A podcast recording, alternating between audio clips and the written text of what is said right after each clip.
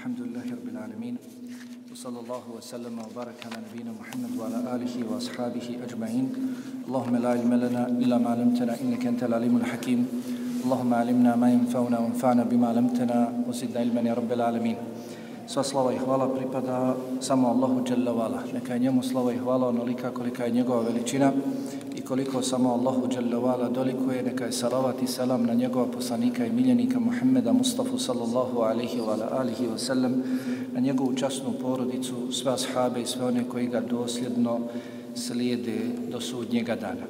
A zatim, draga moja braćo, sve one koje čeka smrt. Svi oni čija će postelja biti kabur. Svi oni čiji će prijatelji biti crvi.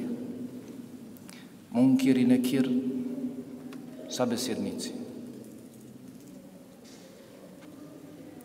Kijamet, dan koji će se iščekivati a zatim nakon toga džennet ili džehennem, mjesto vječnog boravišta. Svi koji iščekuju ovo, a svi smo takvi, bez izuzetka, trebali bismo mnogo razmišljati o smrti. Trebali bismo mnogo je spominjati. Trebali bismo mnogo voditi brigu o smrti i našoj završnici ne bismo trebali iščekivati ništa drugo. Naprotiv, trebali bismo već sebe ubrajati u mrtve. Sebe smatrati od mrtvih koji samo čekaju kada će se ukopati. Neka je slavljen Allah Jalla Vala, onaj koji jedini se izdvojio sa vječnošću. Jedini on živ. Jedino će ostati nije postao, niti će ga nestati. A svima nama, svojim stvorenjima propisao je prolaznost. I mi bismo trebali voditi računa o ovim trenucima. Jer to su, braćo, trenuci koje će sve jedan od nas doživjeti, sve jedan od nas okusiti i ti trenuci nikada više neće doći, neće se ponoviti. Za te trenutke trebamo se pripremati jer nema popravnog te trenutke ćemo jedan put doživjeti i nema više popravnog da se popravimo pa da doživimo te trenutke ljepšim. Zato trebali bismo se još dok smo sada u zdravlju, u rahatluku obračunavati, preispitivati svoje duše. Šta bismo željeli, kakvu završnicu da imamo i koliko doista posežemo za sebebima, razlozima da doživimo takvu lijepu završnicu trebali bismo ispitivati i obračunavati svoje duše. Naši prethodnici mnogo su vodili računa o ovome i mnogo su posticali svoje duše na smrt. Obračunavali se. Poznate su vam dobro riječi Omera radijallahu ta'ala kada je rekao Hasibu qablen tu hasebu.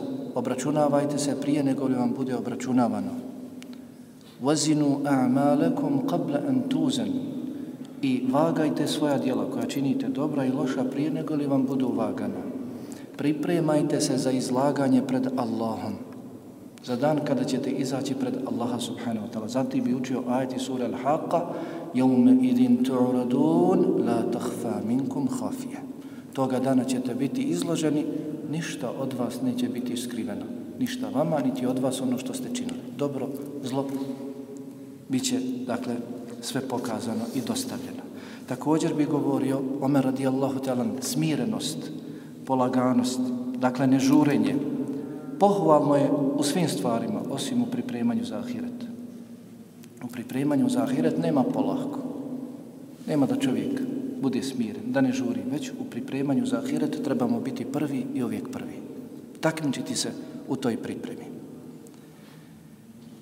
Kada vidimo i čujemo, poslušamo kakve su riječi govorili na samrti, naši ispravni prethodnici, kako su doživljavali smrt, začim su žalili, jesu li se bojali smrti zbog toga što je smrt teška, jesu li žalili što umiru za dunjalukom kojeg ostavljaju, nikako. Muaz ibn Džebel, radijallahu ta'ala, dobro vam poznat. Po čemu je poznat Muaz ibn Džebel? Ha? najveći poznavalac halala i harama u ummetu Muhammeda alihi salatu sam. Sutra će biti predvodnik u Lemena sudnjem danu. Moz ibn Džebel, kojeg je Allahu poslanik alihi salatu sam poslao u Jemen kao daju i kadiju pred samu svoju smrt, ili tako? I ispratio ga je Allahu poslanik alihi salatu sam i rekao Moaze, možda kada se vratiš nećeš me zateći živa. Možda ćeš proći pored ovog moga mesčida, nećeš me zateći u njemu. I tako je bilo. Moaz ibn Džebel na samrti rekao je riječi Allahu moj, ja sam se doista tokom svoga života tebe bojao, sada ti se nadam. Tokom cijelog svoga života nastojao sam da se, da se tebe bojim. Sada ti se nadam. Nadam se tvome oprostu, tvoje milosti.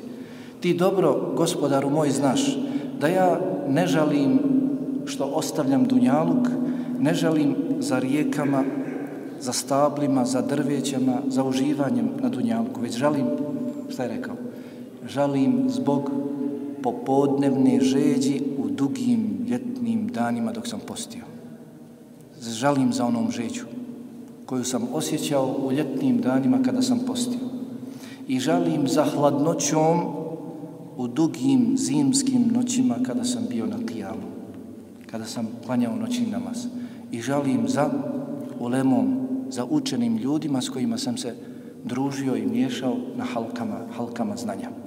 Muaz ibn Džabal. Bilal ibn Rabah, radijallahu ta'ala, također jedan od posebnih ashaba, kada mu se prikučila smrt, pa je njegova supruga vidjela da je kraj, rekla je, o žalosti moja, o žalosti moja, šta me snalazi? Pa je rekao Bilal, ne, ja kažem, o dragosti moja, gaden elqa el ahibbe Muhammeden wa hizbe.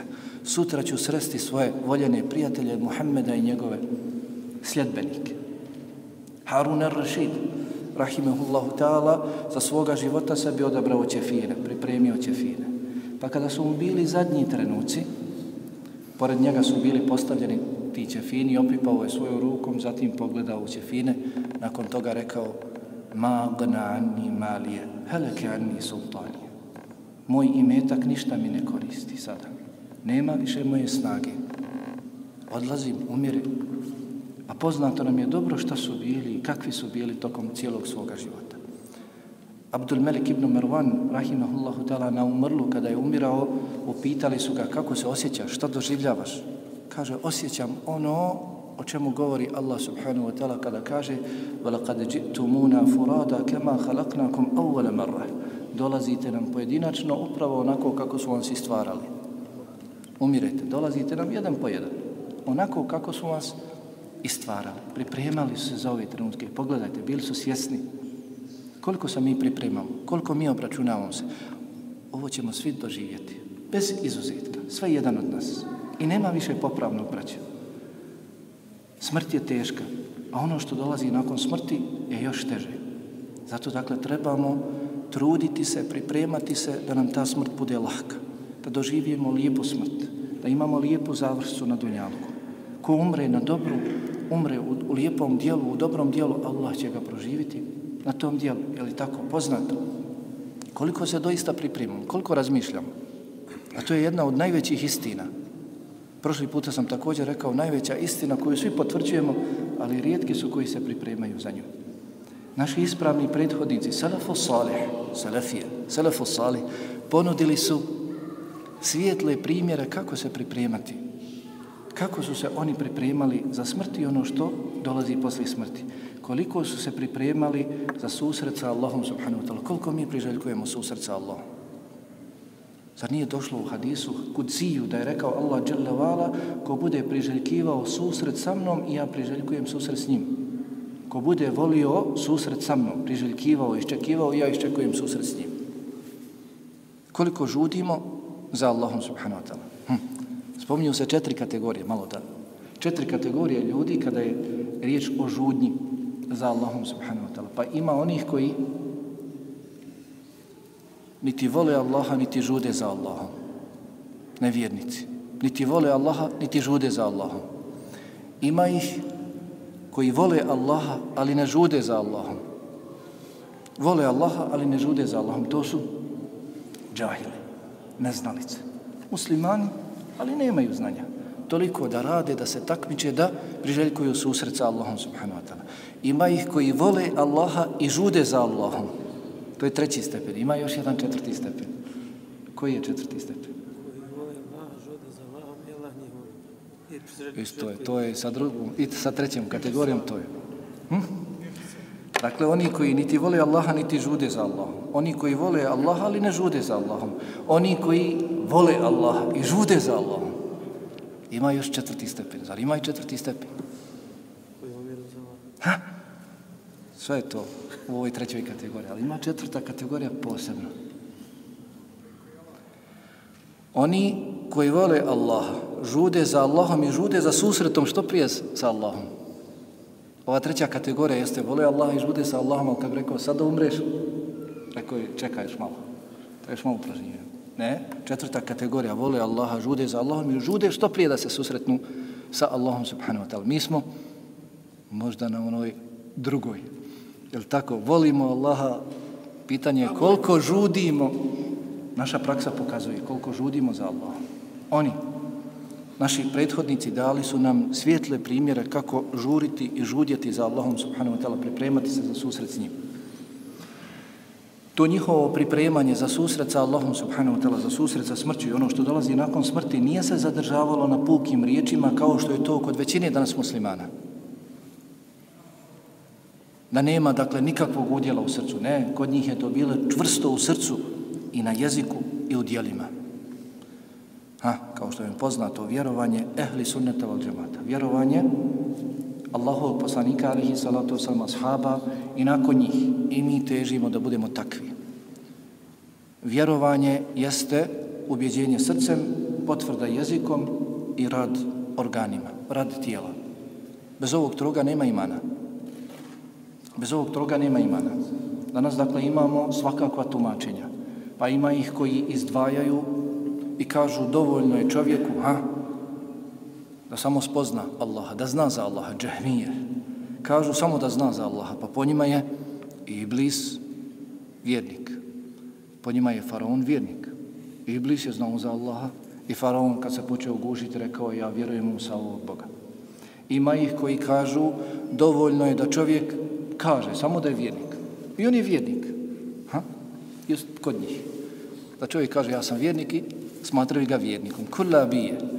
Ima ih koji kažu dovoljno da čovjek vjeruje u srcu i da pokaže to na svome jeziku, ne mora svojim dijelima. Hm. Ima ih oni koji kažu dovoljno je samo da bude ubjeđen u srcu. Jeli? Kao što je većine, kod većine danas na našim prostorima takvo tumačenje islama.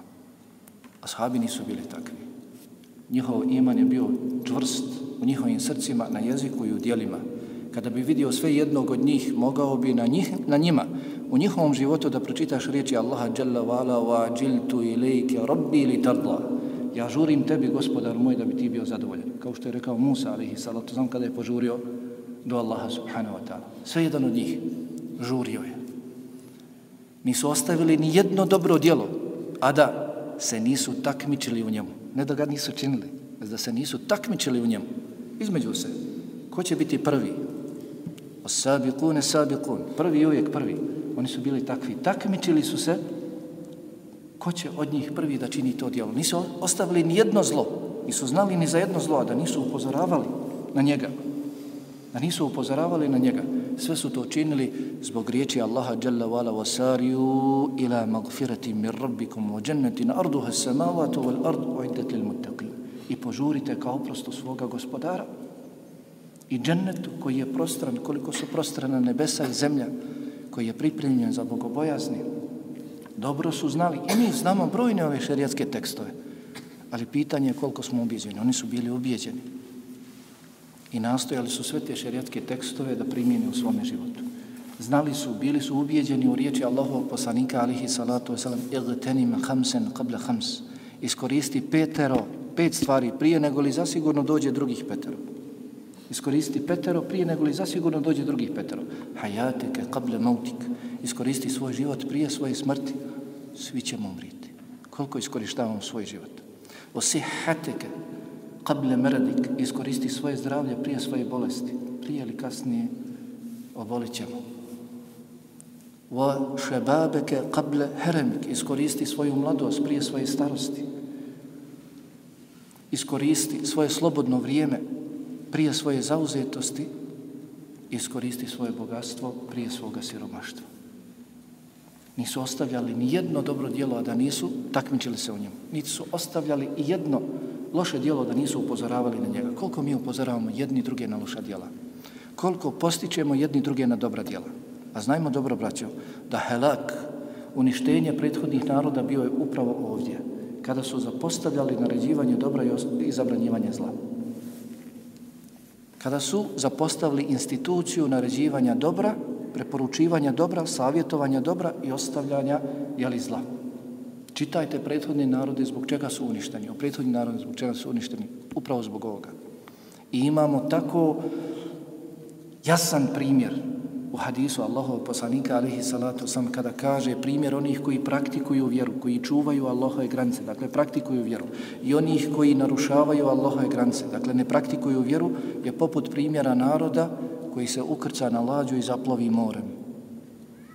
Pa su jedni, oni koji praktikuju vjeru, koji čuvaju Allahovu granicu, gore su na palubi, gornji, vjernici. A oni koji ne praktikuju vjeru su dole, u brodu. Pa kada god ovi od ozdu ožednu, idu gore o njima i traže vodu. Da bi na kraju rekli, pa što moramo stalno ići gore njima? Što ne bismo sebi provrtili u dnu da nam dolazi voda kad god hoćemo? Pa kaže Allahu poslanika alihi salatu wasalam da ovi gore, dakle vjernici, puste nevjernicima ili lošim ljudima da rade što god hoće, svi bi bili uništeni. E tako i oni koji praktikuju vjeru, ako puste druge koji ne praktikuju vjeru da rade što god hoće, svi ćemo biti uništeni. Što naš narod kaže u suho i sirovo gori. U suho i sirovo gori. Koliko dakle ova institucija je živa među nama. A čitajte ajete u suri Alu Imran, ali Imran u suri Al Maide, Allah subhanahu wa ta'ala naređivanje na dobro odvraćanje od zla. U suri Ali Imran spominje prije imana. U suri Al Maide spominje prije namaza i izdvajanje zekata. Naređivanje na dobro i odvraćanje od zla je bitna institucija i mora da postoji kod nas. Kada ona nestane, kada se zapostavi, očekujemo uništenje, propast. Naši ispravni prethodnici pripremali su se za smrt i ono što dolazi nakon nje, tako što su uvijek davali prednost ahiretskim dijelima nad svojim dunjalučkim potrebama. Uvijek. Nisu se nimalo dvomili. Pogledajte samo koliko su se natjecali u dobrim dijelima koja su posebno teška na vagi Biće teška na vagi na sudnjem danu. Poznato vam je natjecanje između Ebu Bekra i Omera. Vas da su se natjecali. Između Ebu Bekra i Omera radijallahu ta'ala. Pa dolazi u jednoj bitci, Omer pred jednu bitku donosi pola svoga imetka. Kaže, Omer, šta si ostavio kod kuće? Kaže, pola. Ovoliko koliko sam donio, toliko sam ostavio. Dolazi Ebu Bekr. Ebu Bekre, šta si ostavio kod kuće? Allaha i njegovog poslanika. Nisam ništa od imetka ostavio. Sve sam donio. Kaže, nikad ga neću preteći. Poznato je slučaj one starice, je tako? Ebu Bekar radijallahu talan, kada je svaki dan, svako jutro obilazio staricu. I Omeru to zapelo. O, Ebu Bekr ne radi svašta. Sigurno radi dobra djela. Idem da provjerim šta to radi. Svako jutro posle sabaha odlazi u neku kućicu. I nakon što je Ebu Bekr izašao, ulazi Omer kad tamo zatiče staricu. I zatiče hranu koju je Ebu Bekr radijallahu ta'ala donio njoj, pospremio kuću. Kada je Ebu Bekr postao halifa, kaže Omer, neće više Ebu Bekr imati vremena za jednu staricu.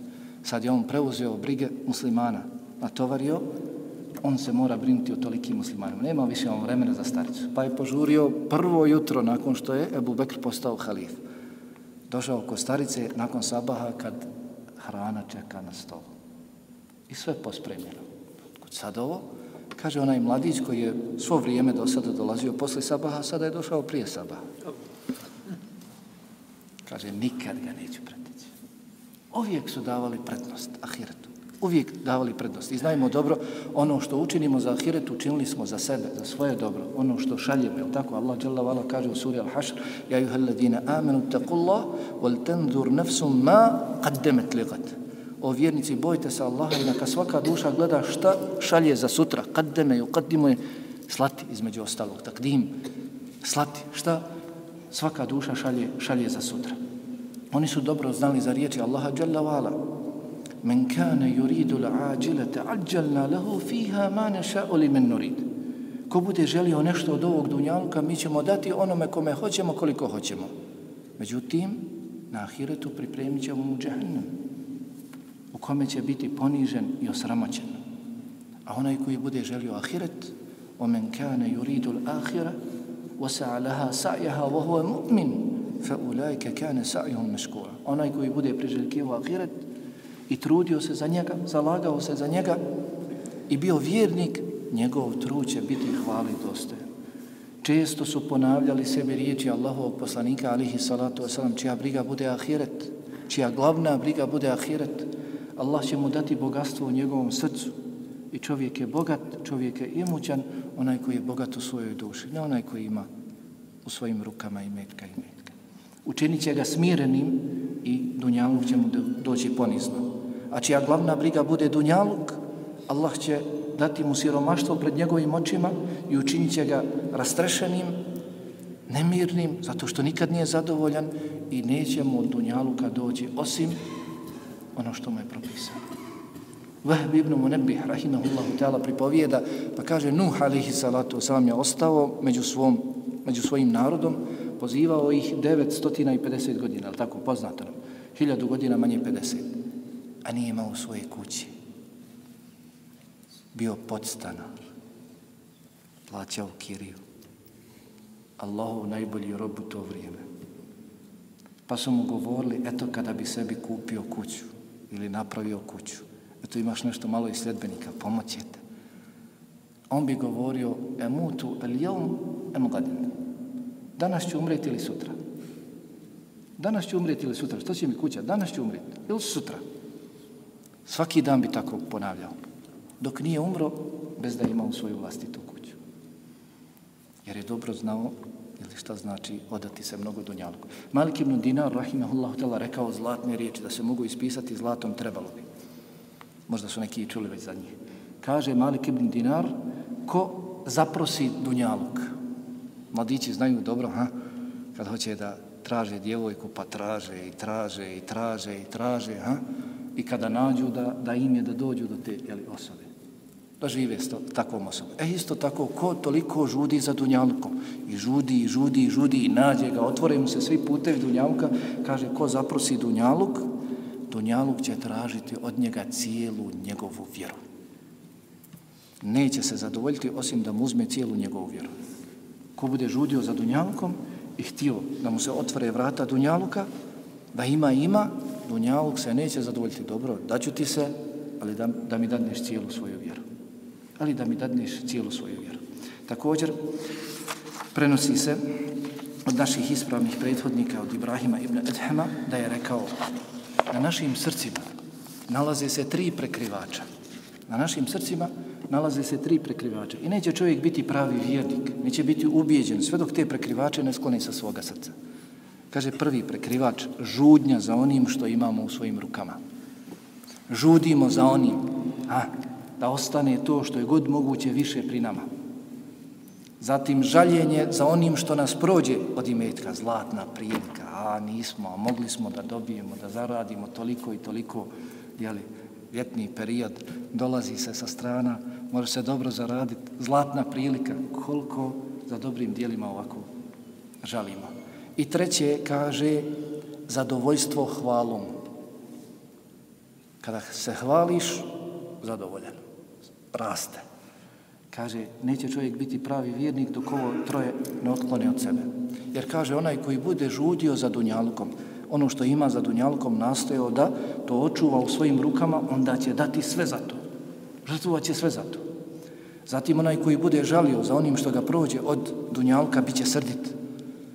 Kad mu još ti spomineš, pa još me prošlo, još me ti napomniješ na to. Srdit. A kaže onaj koji bude srdit, ko se rasrdi, na kraju će biti kažnjen.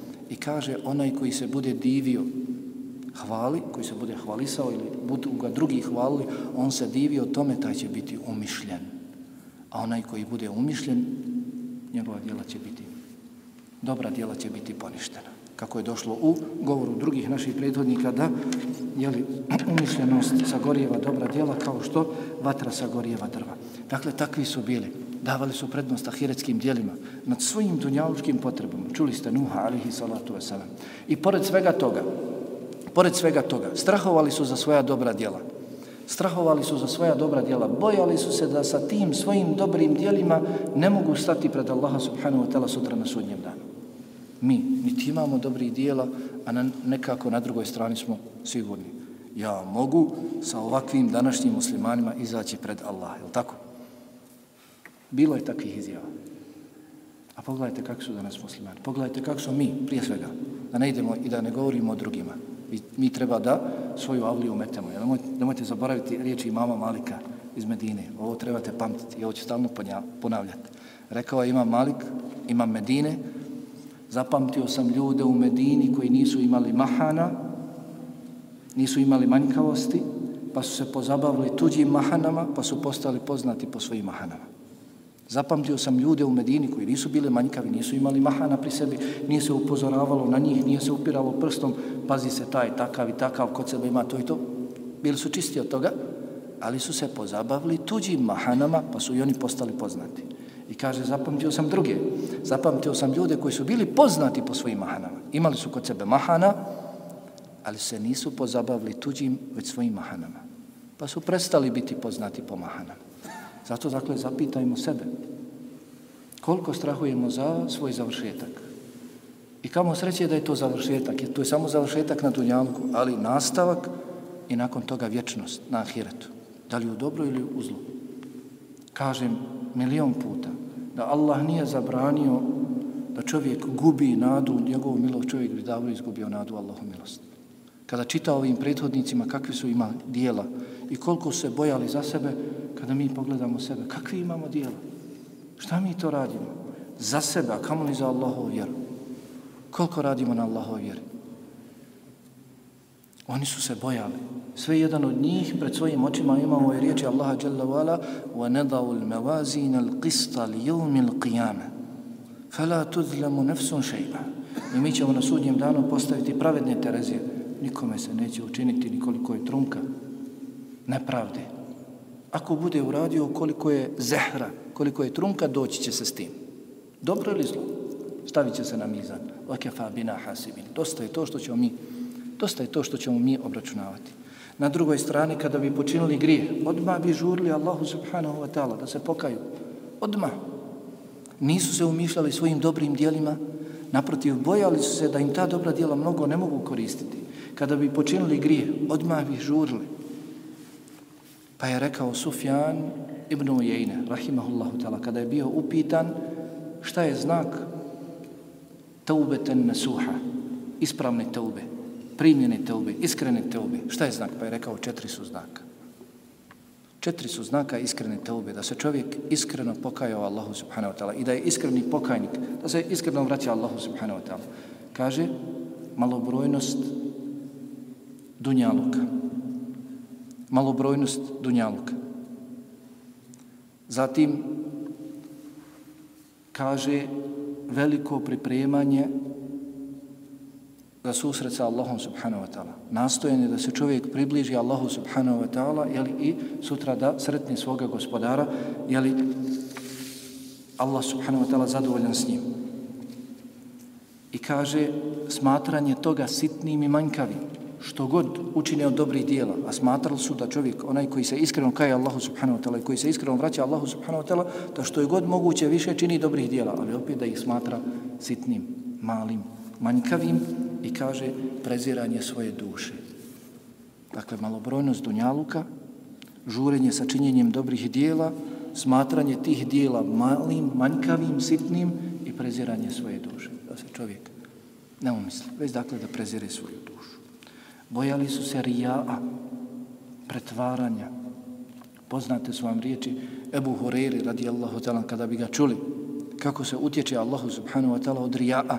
Govorili su, zar ti, ashab Allahovog poslanika alihi salatu sam, i to poseban ashab, čuvar sunneta Allahovog poslanika alihi salatu sam, preneo je koliko hadisa? Koliko je prenio Ebu Horeire? Je li Ebu Horeire najviše prenio hadisa? Ovi mlađi bi to trebali da znaju koji uče. Prenio je 5374 hadisa, kako se jeli, spominje, u njegovoj biografiji. I dakle, on je bio ashab koji je najviše prenio, jeli, šefevijen, pamćenjem. Dok Abdullah ibn Amr ibn Az, koji je pisao hadise, Allahov poslanika alihi sallam, zbog toga što je pisao, prenio je više od njega. Dakle, zabilježeni hadisa od Allahovog poslanika alihi sallam.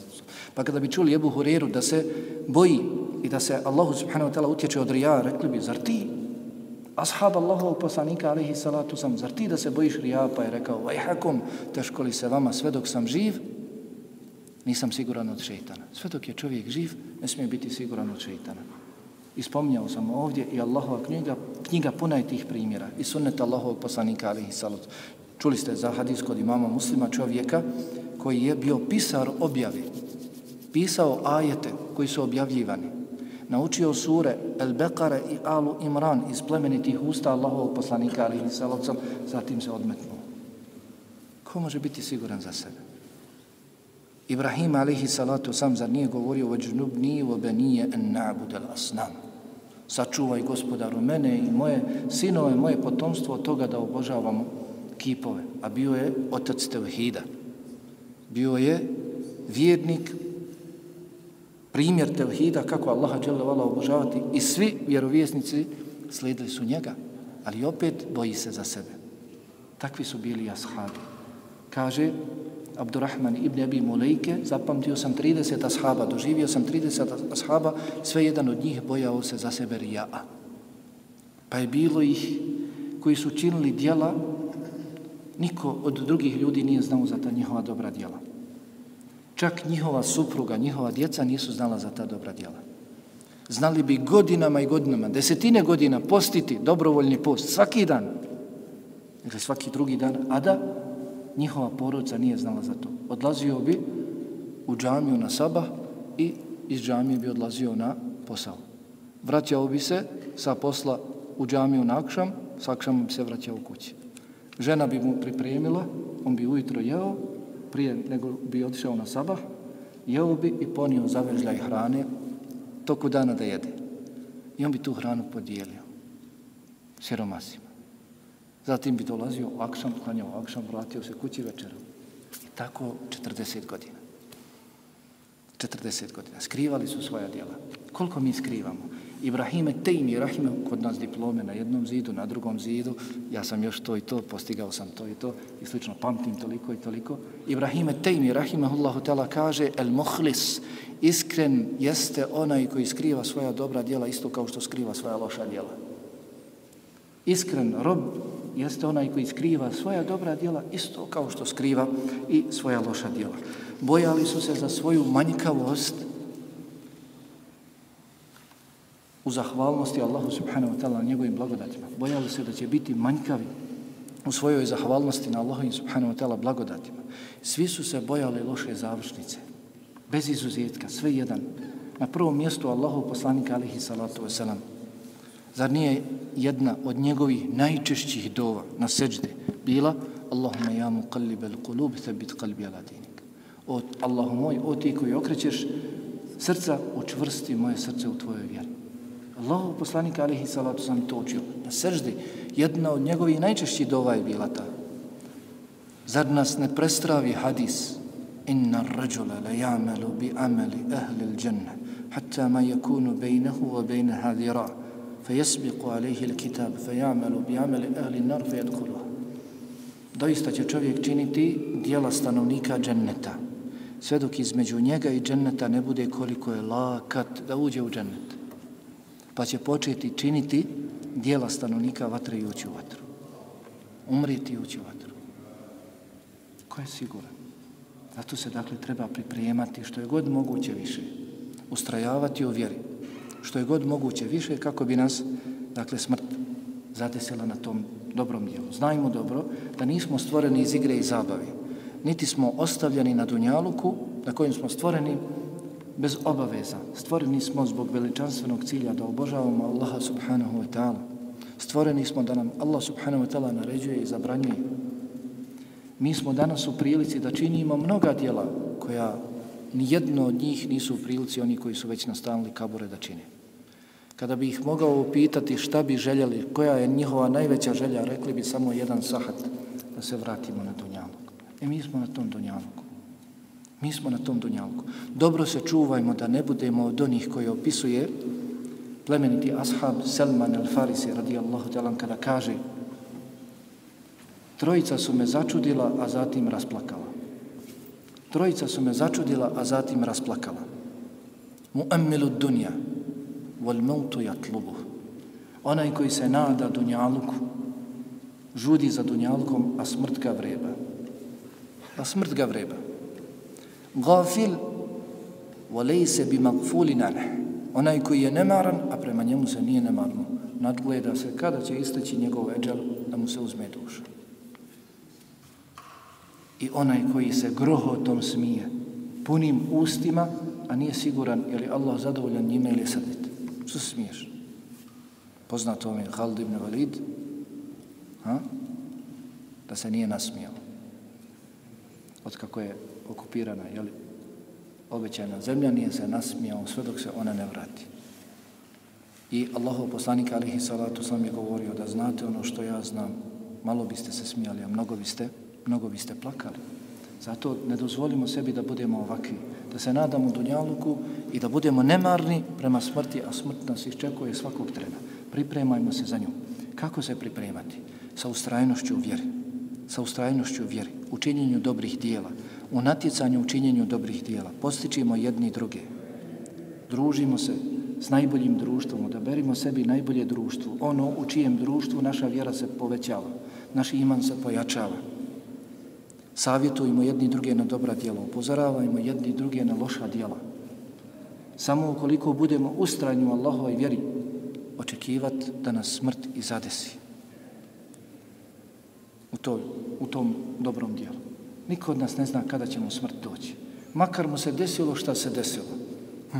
Ibn Kathir, rahimahullahu ta'ala, u jednom od ajeta sure En Nisa spominje zanimljiv slučaj, možda nije baš toliko za džamije, zanimljiv slučaj koji se desio. Spominje u svome tefsiru. Ne spominje se sened, Allah najbolje zna je li koliko je vjerodostan, ali eto radi Ibreta. Ibret je veliki. U to vrijeme, ranije, kad su bili robovi, jeli, jedan rob je usnio, dakle, bio je rob kod jednog čovjeka, e, kako će, dakle, žena od tog njegovog gazde da se porodi. Bila je trudna, deveti mjesec, treba da se porodi i rodit će curicu, koja će u svome životu stotinu puta učiniti blud. Ne mora, zinalog. I na kraju će to biti njegova žena. On će oženiti. Gazdarica će jel, roditi curicu i ona kada odraste, kada bude djevojka, čin će ne mora i poslije će ono ženiti.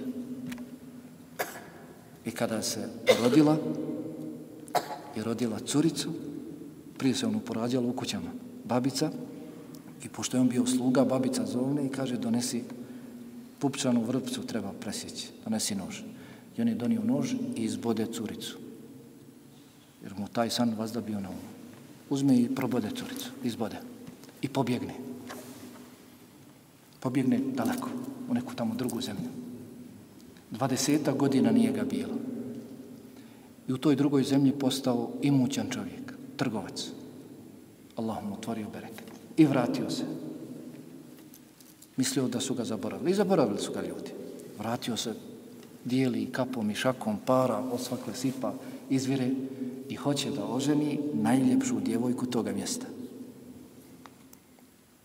I pronađe ubrzo, jel, onaj koji ima para, odmah dobiva i prijatelje brzo. Pa je dobio prijatelje i traži od njih da mu ukažu jel, na najljepšu djevojku. I kažu, ima jedna najljepša djevojka. I on je vidi i zaprosi i oženi se s njom. Ekremakom Allah, kad je bila prva bražna noć, vidi šalu. Kaže, da se nešto dešavalo prije braka sa mnom, tebi. I se šta radila? Kaže, jesam. Koliko? Jedan put, dva put, tri put? Allah zna više. Kaže, mija? Stotinu? Kaže, nije daleko. A usnio je, zaboravio sam reći, usnio je također u tom snu. Dakle, uradit će to što će raditi, zatim će biti njegova žena, zatim će kao njegova žena, dok budu sjedili jedan put, ući pauk i pauk će ujesti i umrijeći od toga. Pogledajte, nije umrla od tolikih uboda nožem, umrla je od pauka. I tačno se kasnije desilo, je li bila prelijepa žena i on prešao preko svega toga što je radila, sada je njegova žena, on ima najljepšu ženu i slično, i kasnije dok su jedne prilike sjedili u svojoj sobi, ušao je pauk.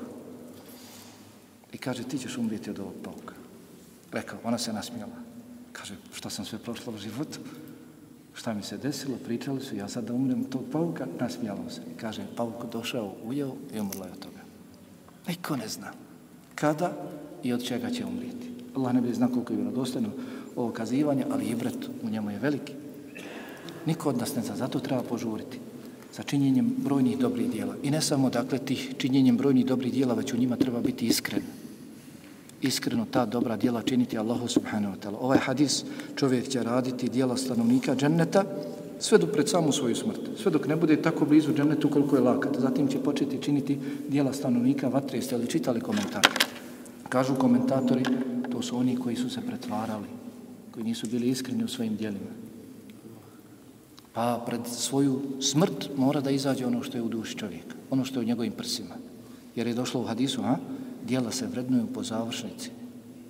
Dijela se vrednuju po završnici. Zato nemoj nikoga posebno hvaliti, niti njegova dijela dok ne vidiš njegovu završnicu. Dijela se vrednuju po završnici. Dakle, nije samo činiti dobra djela, već mora se biti iskreno u njima. Da se ta djela čine samo radi Allaha subhanahu wa ta'ala. Sa bogobojaznošću pripremat ćemo se. Da čovjek bude bogobojazan. Čitajte kuranske ajete. Kur'an je pun ajeta koji govori o bogobojaznosti. Bogobojaznost je da čovjek čini ono što je Allah naredio, da ostavi ono što je Allah zabranio. Pogotovo da ostavi ono što je Allah zabranio. Nije bogobojaznost u plaču, u isposništvu i slično, već je bogobojaznost kada si u prilici da učiniš grijeh, pa ga ostaviš. Sjetiš se da te Allah dželavala vidi. Zatim dova. Trebamo doviti Allahu subhanahu wa ta'ala što je god moguće više. Da nas Allah subhanahu wa ta'ala ostavi na pravom putu. Da nas zadrži na pravom putu. I mi to često činimo u svojim namazima, je tako? Iyake nabudu wa iyake nesta'in. Ihdine siratal mustaqim. Samo tebe obožavamo i samo od tebe pomoći tražimo. U čemu? U svemu. U svemu. Dobro u svemu, ali u najprečijem, u čemu? Hm. Kur'anski ajete da biste razumijeli, morate kraj da vratite na početak. Morate kraj ajete da vratite na početak. Jeste ovaj ajete kratak. Samo tebe obožavamo i samo od tebe pomoći tražimo na obožavanju samo tebe. Samo tebe obožavamo i samo od tebe pomoći tražimo za šta? Na obožavanju samo tebe. Jer to je bitno. Umriti na tevhidu. Na obožavanju Allaha subhanahu wa ta'ala jednog jedinog. Ihdina sirata mustaqim. Kod nas se najčešće prevodi i prevedeno je uputi nas na pravi put. Nije to. Nije to ispravno značenje. Održi nas na pravom putu. Održi nas na pravom putu. Na pravi put te može uputiti svako. Uputite čovjek na Kur'an, na hadis, na halke znanja, I ti ćeš saznati pravi put. Ali da te neko održi na tom pravom putu, to je samo u rukama Allaha Đalava. Zato trebamo često učiti s razumijevanjem ove riječi. Zatim riječi iz sure Ali Imran. Rabbena la tuzil kulubena bade id hedejtena. Gospodaru, ne dozvoli da naša srca skrenu nakon što si ih uputio na pravi put. Zatim kaže šeheh bin Baz, rahimahullahu ta'ala, svaki vjernik trebao bi na seždi da uči ove tri dove ne bi trebao niko od nas da propusti seždu, a da ne uči ove tri dove. A jedna od njih je Ja mu kalib el kulub se bit kalbi ala dinik. O ti koji okrećeš srca, učvrsti moje srce u tvojoj vjeri. Zatim, Allahumma inni es'eluke husnel khatime. Allahumo, ja te molim za lijepu završnicu. Allahumma inni es'eluke husnel khatime. I treća dova, Allahumma rzuqni taubeten nasuhan qabla al-maut. Allahu moj počasti me iskrenim pokajanjem prije smrti. Allahu moj počasti me iskrenim pokajanjem prije smrti. To su dakle tri dove koje bismo trebali učiti. Ja mu kalib al kulub tebit kalbi ala dinik. Allahumma inni as'aluke husen khatime. Allahumma rzuqni taubeten nasuhan qabla al maut. Allahu moj podari me lijepu završcu i Allahu moj počasti me počasti me sa iskrenom teubom prije smrti. I svakako, kako se pripremati za lijepu završnicu, kako se pripremati za smrt i na takav način što ćemo se udaljiti od svega onoga što vodi do loše završnice. Od svih onih dijela koji vode do loše završnice, odnosno da čovjek umre jeli na grijeh. O čemu ćemo ako Bog da govoriti detaljnije sljedeći put. Dakle, sve nas ovo braćo čeka. I nema popravnog. Svi ćemo doživjeti ove trenutke. Nećemo se moći vratiti. Makoliko to budemo priželjkivali. Zato iskoristimo. Nemojte zaboraviti kako se Ibrahim Tejmi spomenuti obračunavao. Zamislio bi svoju dušu u džehennemu, zamislio bi sebe u džehennemu, kako hoda u lancima i okovima, kako pije gnojnu kapljevinu, kako se udara gvozdenim maljevima, zatim bi pitao dušu, želiš li da budeš u tome sutra? Pa bi rekla, ne, šta želiš? Želim da se vratim na Dunjalu pa da činim dobra djela, da se začuvam toga. Zatim bi zamislio sebe u džennetu, pa bi vidio kako hodi džennetskim bašćama, grli džennetske žene, jede džennetsku hranu i pita svoju dušu, želiš da budeš u ovome? Kaže, ne. Što sad želiš? Kaže, želim da se vratim na Dunjalu pa da radim dobra djela, da zaslužim bolje od ovoga. Kaže, pa ti jesi na Dunjaluku. Ti si na Dunjaluku, ti si u onome što priželjkuješ. E, i mi smo u tome. Možemo da radimo ono što zasigurno naša braća koja su otišla više nisu u prilici da rade. A njihova najveća želja bi bila da se mogu vratiti, da se mogu vratiti. Čuli ste kako se ashabi pripremali i šta su na samrti govorili. U bitci na Jermuku dolazi jedan od ashaba, kako spominje Ibn Kathir u svome dijelu El Bidaju van Nihaje. Nije, ne spominje se ime i nije bitno ime. Dolazi Ebu Ubejdi. Bitka treba da počne. I kaže Ebu Ubejdi, imaš li šta da poručiš poslaniku? Ebu Ubejdi gleda u njega. Kaže, imaš li šta da poručiš poslaniku da mu prenesem? I bio je prvi koji je preselio na Jermuku. Bio je prvi šehid na Jermuku. Toliko su se pripremali. Pa mi makar malo da krenemo. Makar malo da krenemo njihovim stopama. Subhanak Allahumma hamdika, šedu an la ilaha illa anta astaghfiruka wa atubu kutu